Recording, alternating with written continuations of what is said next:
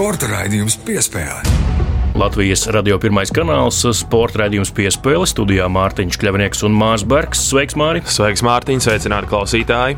Nekādu joku nebūs. Šis jau ir jau 2. aprīlis. Vakardien, es domāju, visi esam izjokojušies vai tapuši izjokoti, bet uh, šodien pie nopietnām lietām, pie sporta raidījuma un sarunām par sportu. Tik tiešām nopietnas temats arī šajā nedēļā, jo pasaules hokeja čempionātam šeit pat Rīgā sāk gatavoties Latvijas hokeja izlase. Latvijas hokeja izlase patiesībā jau ir sākusi tādu neoficiālu oficiālo gatavošanos. Tie spēlētāji, kas jau ir pieejami un kas ir atgriezušies Latvijā pēc klubu sezonas, jau rīt, 3. aprīlī, sākas oficiālā Latvijas izlases treniņa nometne. Tātad varam teikt, ka tiek dots starta šāviens ikgadējam hokeja pavasarim. Jauna revolveris rokās, lai veiktu šo starta šāvienu, protams, ir galvenajam trenerim Harijam Vitoļņam, trešajam, un kurš gan cits, ja ne viņš, varētu būt arī mūsu šodienas viesis. Pirms vēl Haris nāk šeit iekšā pa studijas durvīm, mēs pievērsīsimies ikdienas topam. Ievelkam drusku ņēlpu, jūs uh, darāt to pašu, bet nekur tālu neaiziet. Tūlīt esam atpakaļ.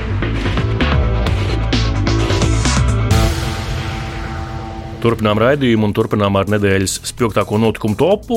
Pirmā vieta sporta karalim futbolam pagājušajā nedēļā solījām, ka šonadēļ noteikti runāsim par šo spēli. Proti, Latvijas vīru futbola izlase sāk Eiropas čempionāta kvalifikāciju izbraukumā Kārdifā pret Velsas izlasi.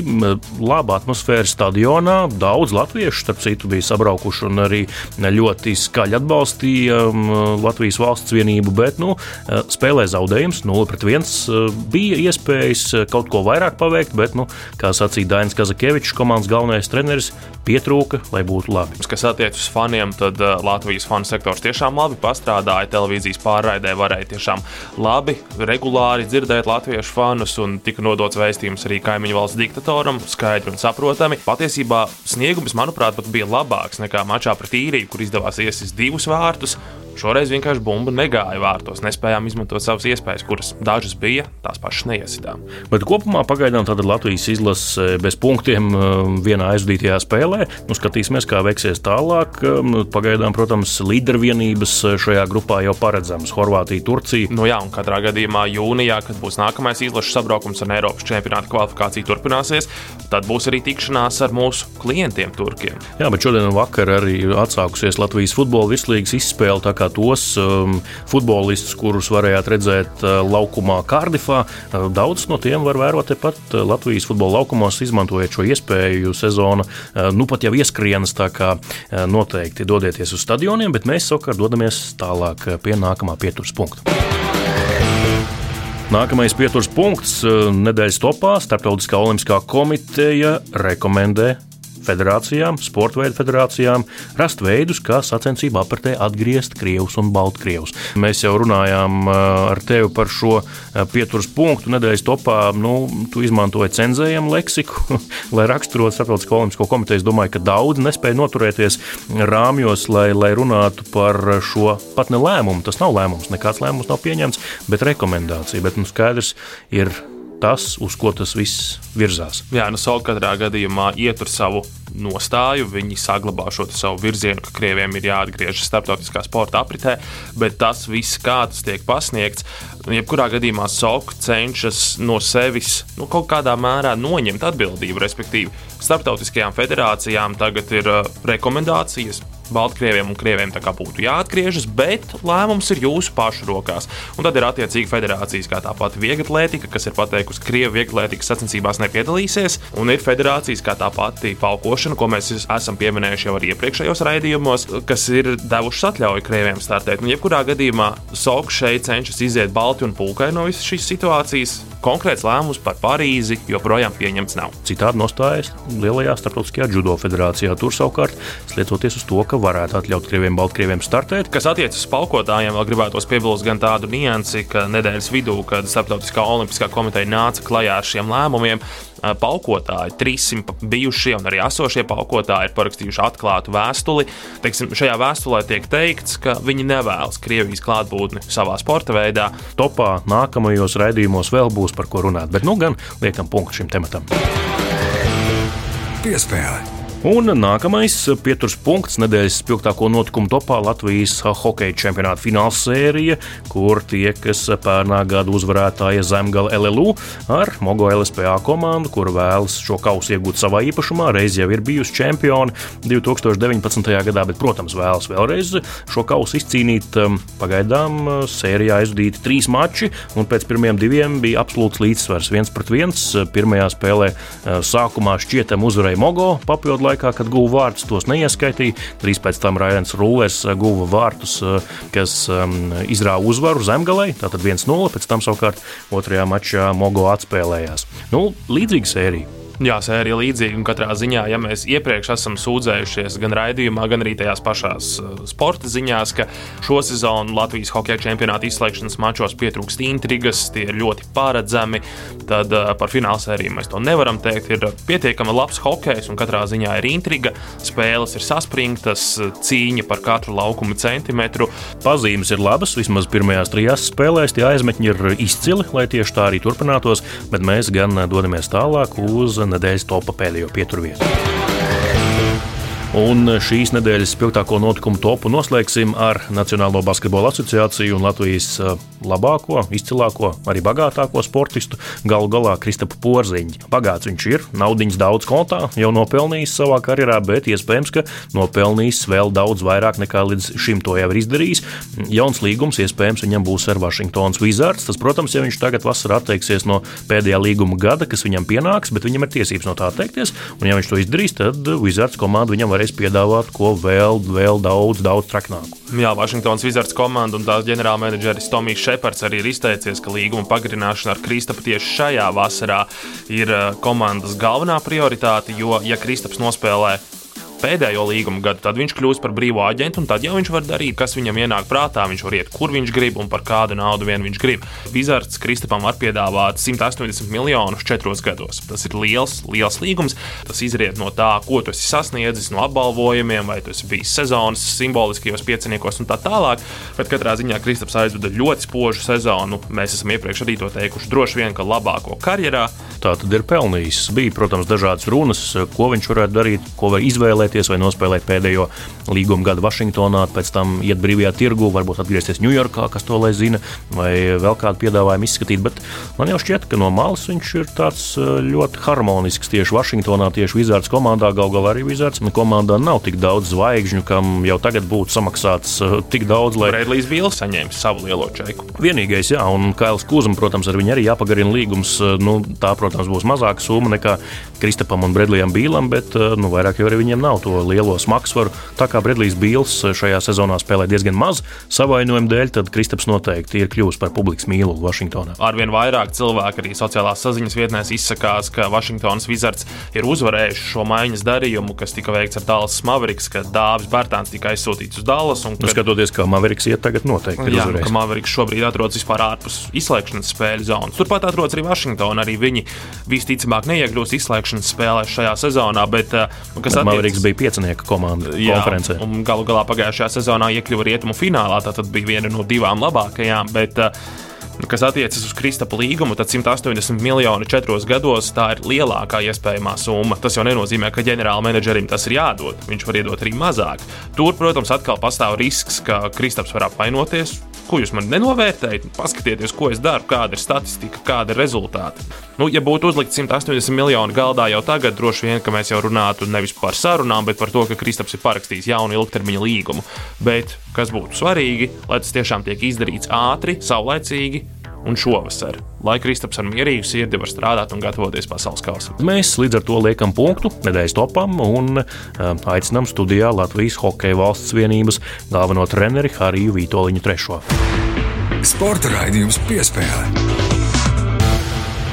Šonadēļ par hokeju runājam raidījumā, un eh, lielā intervija arī tāpēc saistīta ar hokeju. Sveiks, arī! Sveiki, sveiki! Prieks parunāt par hokeju, jo gal galā rītdien jau sāks Latvijas izlases eh, treniņu nometnes oficiālā daļa. Trenēties gan eh, jau kādu laiku iepriekš, varbūt var pastāstīt, kad tad puiši sanāca pirmoreiz kopā un cik tie neoficiālie treniņi jau bijuši. Jā, nu mēs jau divas nedēļas, teiksim, divu nedēļu atpakaļ bija mazliet mazāk, divi, trīs treniņi. Šonadēļ mums bija jau četri treniņi aizvadīti. Dot iespēju tie, kas jau ilgāk laika šeit, jo mums ir tā problēma, ka mums ir pārstāv tik daudz valsts un tik dažs, dažādas līgas un dažādas līmeņas līgās, ja, kad, kad ir puiši, kas beiguši jau kādu bezmazai mēnesi atpakaļ un tomēr ledus vajadzīgs ir. Tāpēc atradām iespēju. Hokeja federācijas mājaslapā publicētais kandidātu saraksts ir uh, gana garš, tur ir daudz uzvārdu. Vai visus šos puišus ir plānots arī klātienē apskatīt? Tā kā visi piebiedrojas tur pa. Pa laikam nāk klāt. Ja, tad šonadēļ mēs bijām 10, piekdienā bijām 14, nākošais nedēļa mēs būsim kā 19, un nedēļas beigās mums ir divas spēles ar Poliju. Tur plānots ir paņemt vēl varbūt tās e, no U20 trīnieku klāt, ja, paskaties ar perspektīvu viņus uz, uz nākotni. Maksimums 25 spēlētājs turēt, teiksim, sastāvā. Ja, ja būs vairāk, tad jāsāk domāt, vai nu no kāda atteikties jau tā saulēcīgi, vai nu dalīt grupās, jo 25 uz ledus tas ir nu, intensitāte nekāda, vairāk ledus sagriezts ir. Tas viss izstiepsies mazliet garāk, bet, nu, lai būtu tā kvalitāte, ja, jo kvalitāte ir vajadzīga. Un, ja daudz cilvēku uz ledus ir, tad viņi sagriež to ledu un kvalitāte uzreiz zūd. Un, tad vienkārši laiks ir izmests vējā. Tās ir tās izmaiņas, kas ir veiktas programmā pēc pagājušā gada. Šogad mazliet kaut kas tāds - Jā, mēs, citādāk. mēs mazliet savādākus ciklus iztaisījām. Teiksim, e, pagājušais čempionāts pēc intensitātes, pēc, pēc mūsu teiksim, pēc ātrumiem bija neslikts. Protams, gribās augt, gribās vēl kompaktāk spēlēt, gribās vēl ātrāk spēlēt. Ja, mēs redzam, kāds tas hokejs ir pasaulē, ja, tu kaut te paskaties NHL spēles, gribās kaut kur līdzināties tam līmenim. Ja. Pagājušajā gadā bija četri dienu treniņu cikls, šogad mēs uz trīs pārējām. Par kandidātu sarakstu paturpinot, tad eh, šonadēļ arī tika publicēts eh, kolēģi Jāņa Matuļa raksts, kurā viņš savukārt bija kritizējis arī Vitoļiņu, ka Gunārs Skvorcovs nav iekļauts kandidātu sarakstā, viens no Dānijas čempionāta labākajiem, rezultatīvākajiem spēlētājiem. Kā ir? Gunārs neiekļaujas nu, tādā koncepcijā? Nu, zini, man grūti tā pateikt, kāpēc viņš es viņu nebija redzējis. Es viņu nebiju redzējis nevienā turnīrā, un, un vienmēr kāds būs aizmirsts. Ja? Un, ja mēs ņemam tos puikas, kas Amerikā spēlē, kam jau ir pāri 20, teiksim, tas brieduma gads, kad vai nu viņi tagad ieliks, vai pēc pāris gadiem, bet viņiem vajadzīga tā, teiksim, tā izlašu prakse, ja tie, tie vismaz tās draudzības spēles, teiksim, labs materiāls. Kad tu izēji visiem tiem cauri, tad, nu, kādu, ko tu neesi redzējis, un viņš jau tomēr jau tie gadi gājums jau neatbilst, nu, teiksim, nav vairāk tas jaunais, kuru var paņemt un jebkurā mirklī atskaitīt. Nu, protams, ja es saku, vienmēr būs kritika, un tam, tam es esmu gatavs, ja, kad, ja kāds nav paņemts, kāds neiekļaus, tā kā puiši neapbižojās. Hokejs uz tā nebeidzās. Tāpat tās tu spēlē čempionātu un tu pelni teiksim, savu iztiku, savu algu klubos. Ja? Un, ja nākošais gads būs labs, nospēlēt čempionāts un atkal būs labi rādītāji, ja? un viss, kāpēc gan ne? Mēs ar Artu Abolu vasarā pirms U20 čempionāta runājām, un Artis toreiz izteica tādu teikumu, ka pietrūkst tādu metēju, tādu spožu talantu, kas metās ripas vārtos. Mums ir daudz džeku, kas var kapāt, var strādāt, bet pietrūkst tādu metēju. Vai redzat tiešām nu, nākotnē, ka šiem puišiem ir iekšā kļūt par tādiem metējiem? Tur ir svarīgi, kā treneris viņam strādā ko treneris viņam ļauj. Jā, tā kā es vienmēr saku, junioru čempionāts U20 Priekš mums tas ir tā kā, teiksim, nu, jāatrod zelta viduspunkts. Bet tas ir pirmkārt, tas ir individuālais elites prospekts turnīrs, kur tu savu parādi sevi prezentē pasaulē, un visi gaida no tevis individuālo meistarību, ko tu vari parādīt. Tad pašā laikā, piemēram, tā kā Latvijas izlase, jā, protams, treneriem ir svarīgs rezultāts. Un ir lietas, kas varbūt netiek atļauts, vai arī puiši baidās to darīt. Jā. Un tad brīdī, kad komandas sniegums ir labs, Jā, mēs maliči, mēs divus gadus saglabājam vietu, mēs nospēlējam labi. Un bet kā tu vasarā arī ceturtdaļfinālā tikā? Kā tu saki, bet pietrūks mums individuālie spēlētāji, kuri sevi nebaidās, teiksim, kaut kur riskēt, kaut kur parādīt sevi. Es vienmēr saku, ir svarīgi, kā tu pēc savas kļūdas, jo kļūdās visi. Jā, jo bez kļūdām tu, ne, tu nevari uz citu kļūdām mācīties. Tu tikai uz savām vari samēģināt, jo tev jāizmēģina tas, kā, ko tu darīt, kā tu reaģē pēc tās kļūdas. Ja tu reaģē viņu, teiksim, uzreiz momentāni iesaisties divu cīņā, strādā atpakaļ, tu zini, ko. Tad jebkurš treneris tev novērtēs, Mēģini vēlreiz. Ja tu mēģināsi jau trīsreiz un nesanāks, tad pateiks, nu, savādāk to vajag. Ja? Bet ir jāsaprot, kāpēc kļūdas reaģē. Audzinošs process, ja, kurš ir nu, dikti atkarīgs no treneru. Pēdējo gadu, es domāju, piekritīsiet, ka arī Latvijas hokeja radošākais uzbrucējs Rudolfs Balcers arī nu, spējīgs ir šādi spēlēt, bet nu, šogad, diemžēl, tā sezona ir kā pa celmiem, kā pa kalniem, kā pa lejām. Es saprotu, esat komunicējis ar viņu. Jā, jā, jā es ar Ulu esmu vairākas reizes runājis. Nu, grūta sezona. Teiksim, nekas nerā, neradīja to, ka būs tik grūti. Jā. Un Rūds, es uzskatu, ka viņš iesāk ļoti labi. Jā, tā trauma, kas izsit ārā, redz, kā viņš saka, ka es runāju, ka eh, tur mazliet tas pēc tām metodēm, jā, ja iet, tad iet ar to, ka sastāv kā viņš iet, neeksperimentēsim, jo tomēr tas pamats viņiem ir, tas ir tampai, jā, un, un vai nu Balcers vai kāds cits viņiem sevišķi tas neinteresē. Vajag e, izdomāt vispār, kādu to nākotni sev taisīt, jā, jo ir vairāk ceļu. Kurš ir pareizais, to tikai laiks var rādīt. Jā. Uztaisīt pauzi, aizbraukt labā līgā, nospēlēt Eiropā, jo Rūds jau ir ātri spēlēt tehniski ļoti labi. Es domāju, ka viņš varētu jebkurā līgā iedarēties Eiropā. Bet tas atkal vajadzīgs nu, parādīt rezultātu. Viss ir atkarīgs no tā, tu vari braukt kā tu gribi to ceļu, bet visur vajadzīgs rezultāts. Ja? Arī, ja tu paliec Amerikā, viennozīmīgi pēc šitāds būs caur farmu klubu jāiet. Tā kā Rūdim, es domāju, būs grūts, grūts jāpieņem lēmums, un nu, es tā kā domāju, kaut kad kaut kad tuvākās dienās arī jāuzzina, jāuzprasa, kā viņš vispār, kādi viņam tie plāni ir. Viņš teica, ka tik daudz pārvācies no vietas uz vietu, ja viņš saka, ka konteineros man stāv, ka beigās viņš nav izturējis, viņš savu sievai eh, aizsūtīs esot eh, uz mājām, ja, uz, uz Norvēģiju. Ja, viņš teica, ka viņi arī vairāk nav izturējuši vienā vietā, otrā, trešā vietā, ja, un tu maini, un tu nezini, kur tad tev var izsaukt augšā atkal tu viens. Ja. Jā, jā, zinot, ka viņam jā, līgums eh, beidzās pēc sezonas, tas nozīmē, ka nu, diezin vai viņi varētu redzēt pasaules čempionātā. Nu, tāpēc es saku, viss ir atkarīgs no viņa, kā, kādu viņš izdomās sev perspektīvu. Es domāju, ja piemēram tā perspektīva, ja viņš pasakā, viss, es gribu atkal sākt no nulles, es gribu braukt uz Eiropu, tad Amerika tev nepiesaista tu vari kaut vai tagad, tā kā savā laikā Aigars Ciprus pateica, es uz Ameriku tā nebraukšu vairāk. Jā, 97. gada pasaules čempionāts. Jā. jā. Es, es braucu uz Latvijas izlases spēlēju un mēģinu sev pierādīt tur. Zemgus arī tagad kaut kādās pēdējās sarunās ir teicis, ka viss kārtībā ar veselību e, spēlētājs. Ar Zemgus tas, ka viņš arī, viņš Whatsappos nav, tā kā viņi tā sazināties ir ļoti grūti, ja viņš jāzvan pa parasto telefonu, tad jāstāv tu Whatsappā uzliek čau. Kā vecos, es, kā vecos laikos. Jā, viņš tā kā, es nezinu, viņš pats caur Whatsapp neiet cauri zvanu, jā, un, un mums. Tas ir arī dārgi zvanīt uz Ameriku. Ģenerālmenedžers, jā, viņš tā kā jāsot sarakstījies ar viņu, jā, un tāpēc, bet tas būtu ļoti labs papildinājums. Tas būtu mums, nu, centra pozīcija, jā, tas, kas mums nosedz mazākumu, kurš ir līderis ar savu attieksmi, jā, tas ir, nu, tas, kas mums būtu vajadzīgs. Tāds mums tāds labs jokers. Nonākam līdz vārdsargiem. Elvis Meržģīkins, Artūrs Šilovs. Ar Elvi esat runājis? Ar, ar Elvi ir Rudolfs runājis tā mini-trauma, tas uzreiz atkal tevi iesit tādās pārdomās. Jā. Nu, viņam šī kā, sezona vispār. Kā tas būs? Jā. Minēt un, un kaut ko prognozēt, zin, negribās, lai, lai, viņš, lai viņam no saviem viņš izveseļojās, un tad skatīsimies tālāk, kā viņam tur būs klubā, un viennozīmīgi, kā es saku, Elvis mums ir numur viens. Jā. Ja viņš izdomās braukt, viņš brauks, un mēs uz viņu cerēsim, es domāju, visi grib, lai viņš brauc. Neatkarīgi no tā, kāda tā sezona. Reizēm ir tā, ka sezonas ir, bet tu atbrauc cita vide, mazliet viņa vajag tā ķīmija, ja kaut kur, kaut kur palīdzēt, kaut kur. Nu, tas atkal no mums būs. Tāpēc arī es piesaistīju Ar Artūru Irbi, ja, kurš ir eh, teiksim, speci speciālists, kas, kas māca ar vārdsargiem runāt. Ja, jo šī brīdī nav vajadzīgs vārdsargs treneris, kas varbūt kaut ko pārmāca, ja, jo izlases tas nav kur pārmāca vārdsargs. Ja, viņi klubos spēlē ka vajadzīgs izlasē treneris, kurš tieši psiholoģiski to vācu noskaņo. Un Arthurs izgājis visam cauri, jā, viņš ir izgājis no, no farmiem līdz NHL, un viņš zina, kā tas ir. Nāks laiks, tad mēs sazvanīsimies, tad redzēsim, kā, kas un kā.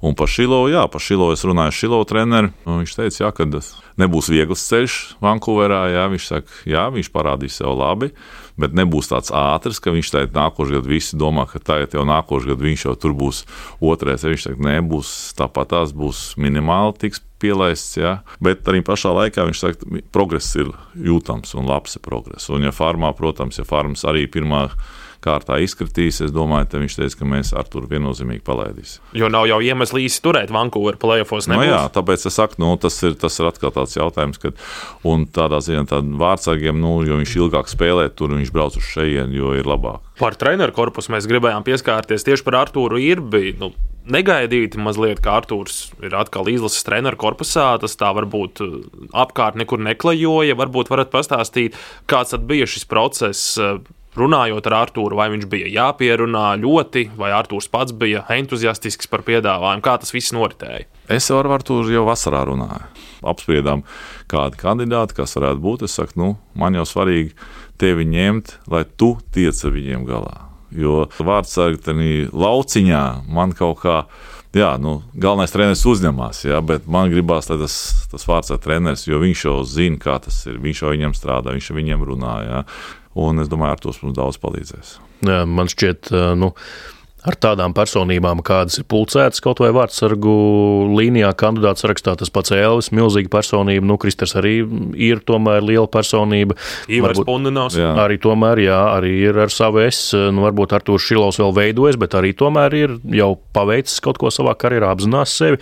Tāpēc es domāju, ka arī tam trenerim līdz ar to jābūt tādam, nu, kas ir autoritāte pats par protams, sevi. Un tikko kā pasaka, ka te jau trenēs Artūrs ir, bet tad, nu, tur jā, nav divu domu. Tu, tu nevari neko tādu pretīm. Tas, tas, tas ir tas galvenais. Strādā strādāt, jau māca visi treneri. Jā, nu, bet mazliet tas tā autoritāte šī brīdī ir vajadzīga. Teiksim, mūsu vārdsargiem. Noslēdzam par kandidātiem. Um, viens uzvārds, kas, protams, sabiedrībā raisīja arī kaut kādā mērā rezonanci, kurš ir iekļauts kandidāts sarakstā Mikls Indrišs. Nu, pagājušajā vasarā tātad zinām, baumoja, ka viņš parakstīs līgumu ar Maskavas Spartaku, beigās tomēr nebija. Domājāt par to iekļaut vai neiekļaut Miku? Es domāju, ka Mikls neko nav pārkāpis. Viņš nevienu dienu nav bijis tur. Jā vai viņš ir parakstījis vai nav. Es blakām neesmu bijis. Jā, Jautājums arī neesmu. Tur tie paraksti, tur es pat, es pat negribu iedziļināties. Tanī. Nu, ja viņš visu sezonu nospēlēs Vācijā, jā, ja viņš tur nav aizbraucis, viņš ir dabūjis visas atļaujas un viss ir spēlējis, tad, nu, protams, mēs varam meklēt, urbināt un, un ļaut, neļaut, jā, bet, nu,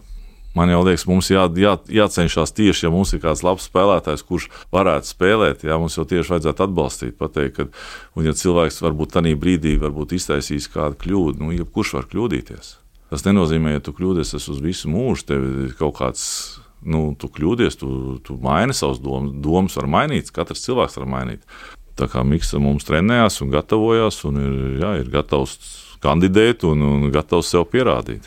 Jā, un tās, tās divas, laikam, sabiedrības puses, kas izkristalizējās šajos viedokļos par un ap Mika iekļaušanu kandidātu sarakstā, ka vieni saka, jā, bet viņš tomēr ar nodomu kaut ko parakstīt tāds viņam bija, tāpēc viņš būtu jāsod un nebūtu jāiekļauj. Otra puse savukārt saka, nu, bet ja mēs tagad sodītu katru, kurš padomā, Padom. vai es veikalā kaut ko varētu nozagt, tomēr, tad būtu nu, diezgan bezjēdzīgi. Kā tu pareizi saki, jebkuram es uzdošu jautājumus, un tev blakus telpā stāv rekur miljonu stāv soliņu. Tad kameras nav Tu paskatīsies, un, un es pateikšu, tu jau padomāji, viena jau nozagt, tā tad tu esi zaglis. Jā, ko tu varbūt tas nevis. Tu piegāji pataustīt tikai. Jā, nu, tā kā tā mēs aiziesim, es nezinu, mēs aiziesim tādās galējībās. Jā, tā mm. kā man gribās koncentrēties uz, drīzāk uz, uz rezultātu un uz sporta sniegumu, un, un, un e, kvalitāte ir laba. Pietrīkst agresija, jā, vārtu priekšā pietrūkst tas saka, killer instinkts, jā, tāds, kas, kas lien uz vārtiem un met. Un, tāds niknums, jā. jā mm. un, un, un to arī, kad es ar klubu īpašniekiem runāju, kas bija atbilst pie Mika Nu, viņi saka, jā, viņš saka, kvalitāte labi, bet nu, mums vajag vairāk. Jā, tas, tas ir tas, kas jāsamaina šeit ar izlasi. Jā, nu, noslēgumā vēlētos vaicāt arī nu, par šī brīža notikumiem pasaulē. Un, un tomēr nu, nekur nevaram paiet. Katru dienu mūs sasniedz ziņas par karu Ukrajinā. Atzīšos, man arī daži Latvijas hokeja izlases kandidāti ir vaicājuši, ja ir intervija ar Hariju Vitoļiņu, vai var lūdzu pajautāt viņa nostāju. Man liekas, nekur publiski neesat paudzis šī kara, varbūt protams, nostāja no malas. Es esmu, protams, pret tādu agresiju. Tas ir, nu, iedomājieties, ja tev tavās mājās tev iebrūk iekšā. Jā. Tad, protams, es nosodu to, kas notiekās. Tas, tur nevar būt kaut kāda divpusēja jautājuma. Ja? Tā kā ja kāds pajautā, es vienmēr pasaku savu viedokli. Jā, tas ir kā... Ir kāds pazīstamais tur, varbūt tajā pusē, Ukrajinā, vai, vai ar ko sazināties, vai uh, vairāk zināt, kas tur domā paši Ukraiņi. Jā. Ja kas es šogad esmu savā klubā, bijušajā Šveicē, es esmu visu gadu brīvā laikā strādājis ar 15 Ukraiņiem. Ar bērniem tiešām? Ar jauniešiem. jauniešiem. Ar U-17. Man paprasīja vienkārši, nu, tā kā es uz vietas, un, un, un viņi tā kā Ukraiņi, viņi vācu valodā nerunāja. Teicu, jā, nu, komunikācija nav tik laba, vai nevar palīdzēt, vai kaut ko. Es saku, nu, protams, man laika daudz, es labprāt pats izietu uz laukumu. Jā. Un bija tā, ka es braucu pat uz spēlēm, uz U-17 līdzi. Kā tur treneris prasīja, vai nevar palīdzēt tur uz soliņiem pastāvēt. Es saku, vai tev tas tavam tam imidžam nebojās, ja tu izlasi pirmais treneris, jā, un, un brauks ar, ar kluba U-17 komandu. Jā, tas, tas, nu, kāda problēma? Saku, ja tas palīdzēs klubam darbā, jo tas klubs man bija devis savā laikā darbu, ja es tur strādāju, ja, un tur arī latviešu spēlē mums ir tas viss mikslis. Ja, es šogad nu, daudz pavadīju, vismaz divus treniņus nedēļā. Man bija ar, ar komandu, kurā ir 15 ukrāņi, 2 latvieši, viens čeks un pārējie šveicieši. puiši bija atbraukuši. Teiksim, daži bez, bez ekipējuma, bez nekā. Tad mēs atradām to iespēju. Mums ir sporta skola, ka sporta skola internacionāla sporta skola, tāda bēgļu statusā var pie mums spēlēt. Jā. Tur bija mazliet domstarpības ar Šveices federāciju, ka no sākuma viņi piekrita pie tā, beigās viņi konstatēja, ka no, ne no kā pēkšņi spēlētāji kļūst par spēlētājiem un mūsu klubs sāk visu apspēlēt. Jā. Tad sākās pretenzijas, ka tik daudz vairāk nevar viņus pieteikt. Jā. Bet patīkam, ka puiši progresēja un jā, tā kā kaut kāda saiknes ar, ar Ukraiņas puses visu mm. gadu bija. Jā, nu tā, lūk, saruna ar Latvijas hokeja izlases galveno treneru Hariju Vitoļiņu trešo. Paldies, ka atnācāt šodien uz Latvijas radio studiju. Nu, tad vēlēsim veiksmus jau pirmajās pārbaudas spēlēs. Galu galā nav nemaz tik ilgi jāgaida. Un paldies par šo sarunu. Un tad jau sekojam līdz Latvijas hokeja izlasē gan pārbaudas spēļu ciklā, gan jau no 12. māja pasaules čempionātā, kas tepat Latvijā Rīgā. Jā, paldies, ka atnācāt treneru un tikšanos jau laukuma malā pirms vai pēc spēlēm. Jā, tiekamies! Sporta raidījums piespēlē.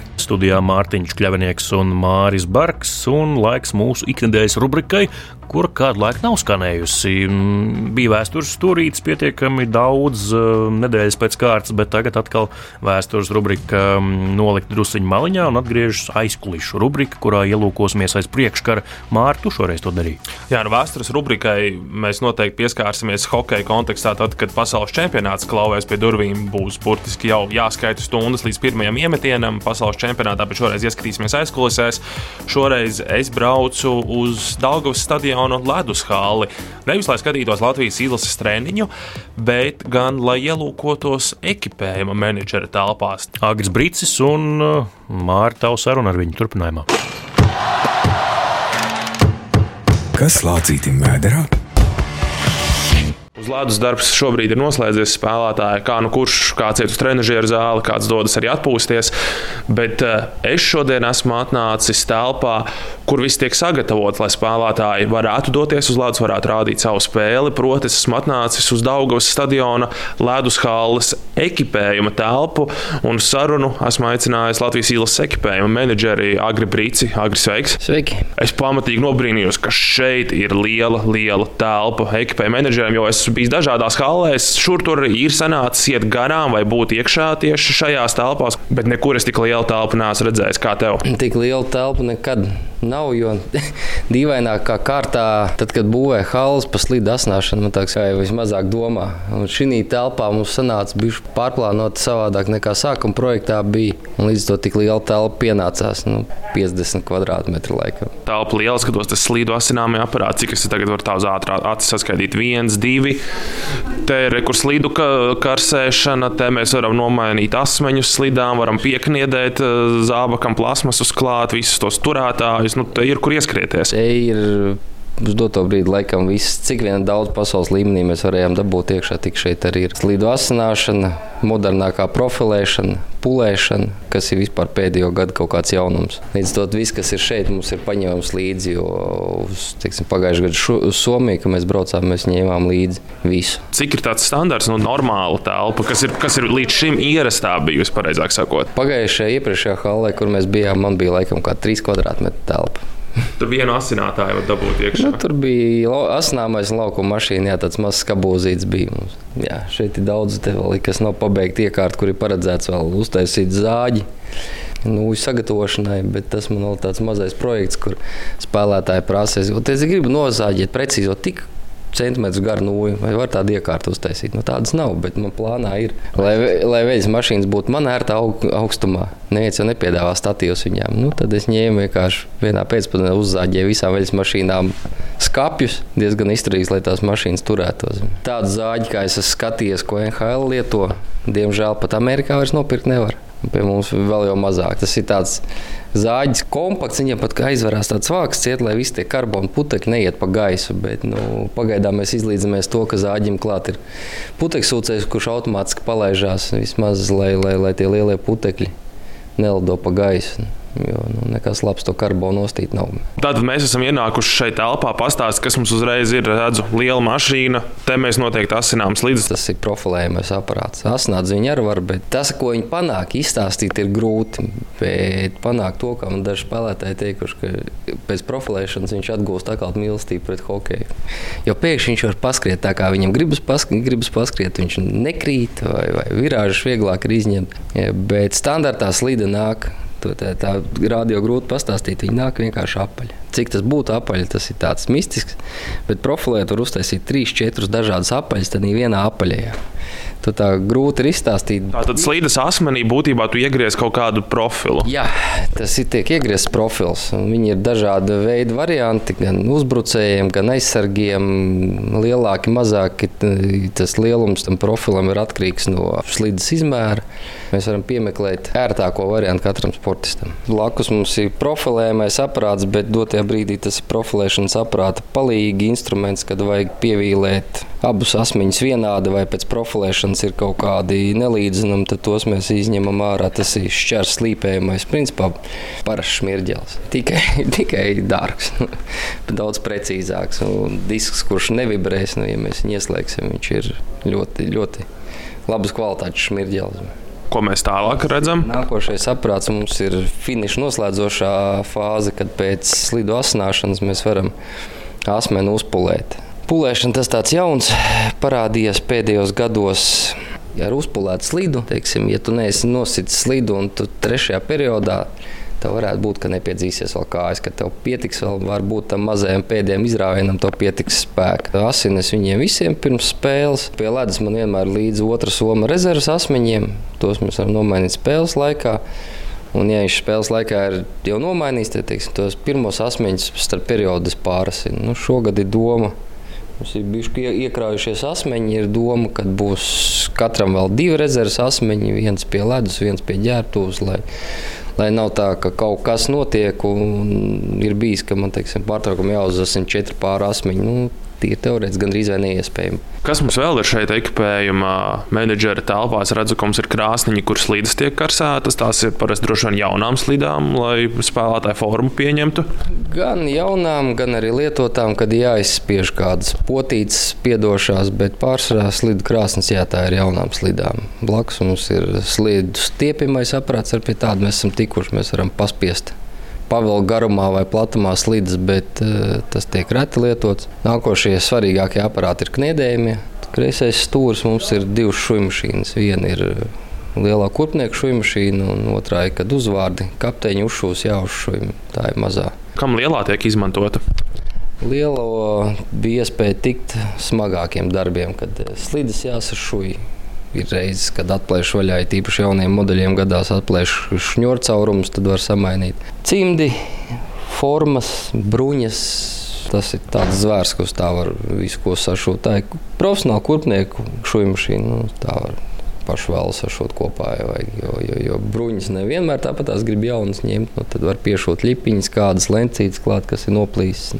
Mazliet paslēpts, mums ir tāds atklātais nūju kambars. Nav atsevišķa telpa, bet tomēr mazliet tādā stūrī. Šeit izskatās, ka ar visiem spēlētājiem, ko mēs redzam, ir daudz bauer nūju, šādas tādas uh, warrior nūjas. Tas ir treniņu nometnē, vai tas jau ir arī uz pasaules čempionāta šis nūju kambars?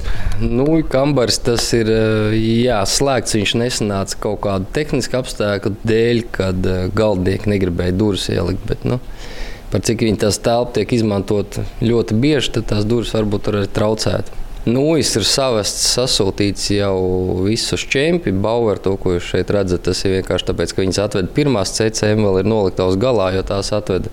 Šonadēļ es neesmu atnesis tik tālu. Nūjas visām izlasēm pārsvarā tur stāv. Tēti doma par kaut kādu nostījos. Es neatceros, Kolumbusai vai bija diezgan interesants nūjas kapis. Doma varbūt varētu šos realizēt. Tad tas ietaupītu daudz telpu un būtu daudz vienkāršāk pārskatām. Kas viņiem ir atšķirīgs viņu kalē? Nu, ja tu redzētu to noliktavu, kas viņiem ir, tad tā noliktava bija tā, tikai noliktava bija tā kā mūsu visas izlases korpus. tā noliktava bija šausmas milzīgi. Nosties interesanti nūjas kapis, drausmīgi dziļš, nūjas garumā un maziem lodziņiem. Un tu katram spēlētājam tā kā, kā paskastītē. Salādē iekšā nūjas. Nu, tad būtu daudz pārskatāmāk un aizņemt mazāk telpas. Jo tajā brīdī, kad viss nūjas stāv statiniski, nav pārskatāmi un aizņem daudz telpu. Jā, mēs domājam, varam arī doties uz veļas telpu, apskatīt, kas mums šeit atrodas. Šeit ir ļoti daudz Latvijas izlases krāklu. Šeit ir gan spēļu krākli, treniņu krākli. Un šeit es tagad mēģināšu ātri pārskaitīt, cik es veļas mašīnas vēl redzu. Seši veļas žāvētāji. Divas lielās veļas mašīnas un divi lielie veļas žāvētāji. Pārējais vēl ir no vecās mājas, kas ir mājas mašīnas. Nu, prasītos divreiz lielākas tās mašīnas pie tiem veļas apjomiem, lai to varētu izdarīt ātrāk, bet uz to, to brīdi, kas mums ir nokomplektēts, ir diezgan, diezgan optimāli, tas, ja visus iepriekšējos gadus mēs veļu mazgājām kāds 8 stundas dienā. Mazgāšana nav tik ilga, cik tā veļa žāvēšana. Nu, tagad mēs tiekam kaut kādās 3-4 stundās cauri. Nu, tad darba diena var beigt arī diezgan laicīgi. Pēc katra treniņa tātad spēlētājiem viss krāklī, viss, viss, viss šeit tiek atnests un tiek pārmazgāts, lai nākamo treniņu viss būtu svaigs. Krakli, getras, kas ir treniņu, ko viņi velk virsū kaudz ar dvieļiem, apakšveļa, triko. Ir diezgan daudz pēc treniņa, ir divi, trīs rīmī rati kas ir jāpārmazgā. Nu, tad, Ja es kādreiz tā rēķināju, tie ir kāds 100 kilo veļas. Kā izskatās vispār tava darba diena? Mums tāda, pieņemsim, hokeistiem ir treniņš. Cik ilgu laiku pirms treniņa tu ierodies un cik ilgu laiku pēc treniņa tu vari doties prom? Es ierodos divas, divas pusstundas pirms ledus. Ja spēlētāji parasti kādu stundu, pusotru, un tad es kādu stundu pirms spēlētājiem, lai var no rīta izņemt veļu no žāvētājiem, dvieļus saliek, saloka, veļu saka ar viņiem skapīšos. Tā kā viņi ir aizgājuši projām, tad, tad sākas veļas mazgāšana, kas ir kaut kāds. Nu, kā kuru reizi 3-4 stundas. Pa to starpu ir jāizbrauc kāds ekvivējums, jāsagādā. Jāsasina slīdes uz rītu, tā lai no rīta atkal atnākot, var mierīgi pasēdēt, iedzert kafiju un nav nekādas skriešanas. Laiks ir jāmāk stipri plānot. Ja vēl grib paspēt uz mājām pie diviem bērniem, tad ir, ir jāprovē saplānotā diena, jā, lai paspētu.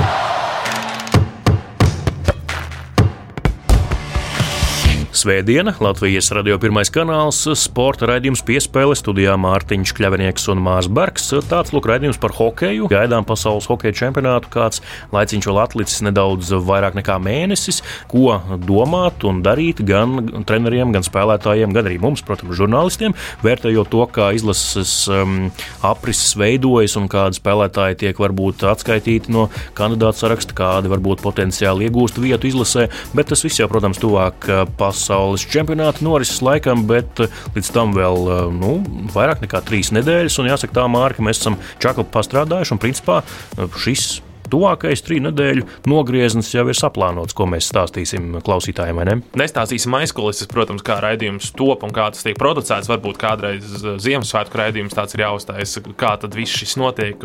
Esam sagatavojušies uz priekšdienām arī, kas attiecas uz šīs nedēļas raidījumu, tad tas arī šonadēļ būs viss. Paldies, ka klausījāties. Vēl tikai atgādināsim, ka raidījumu piespēli varat klausīties ne tikai lineārajā apraidē, jeb FM apraidē, bet, protams, arī Latvijas radio arhīvā, tāpat arī visā visās populārākajās un labākajās raidierakstu vietnēs. Paldies par klausīšanos arī šajā svētdienā. Cerams, ka jums bija patīkami, interesanti un izzinoši, un tiekamies atkal pēc nedēļas. Uz tikšanos!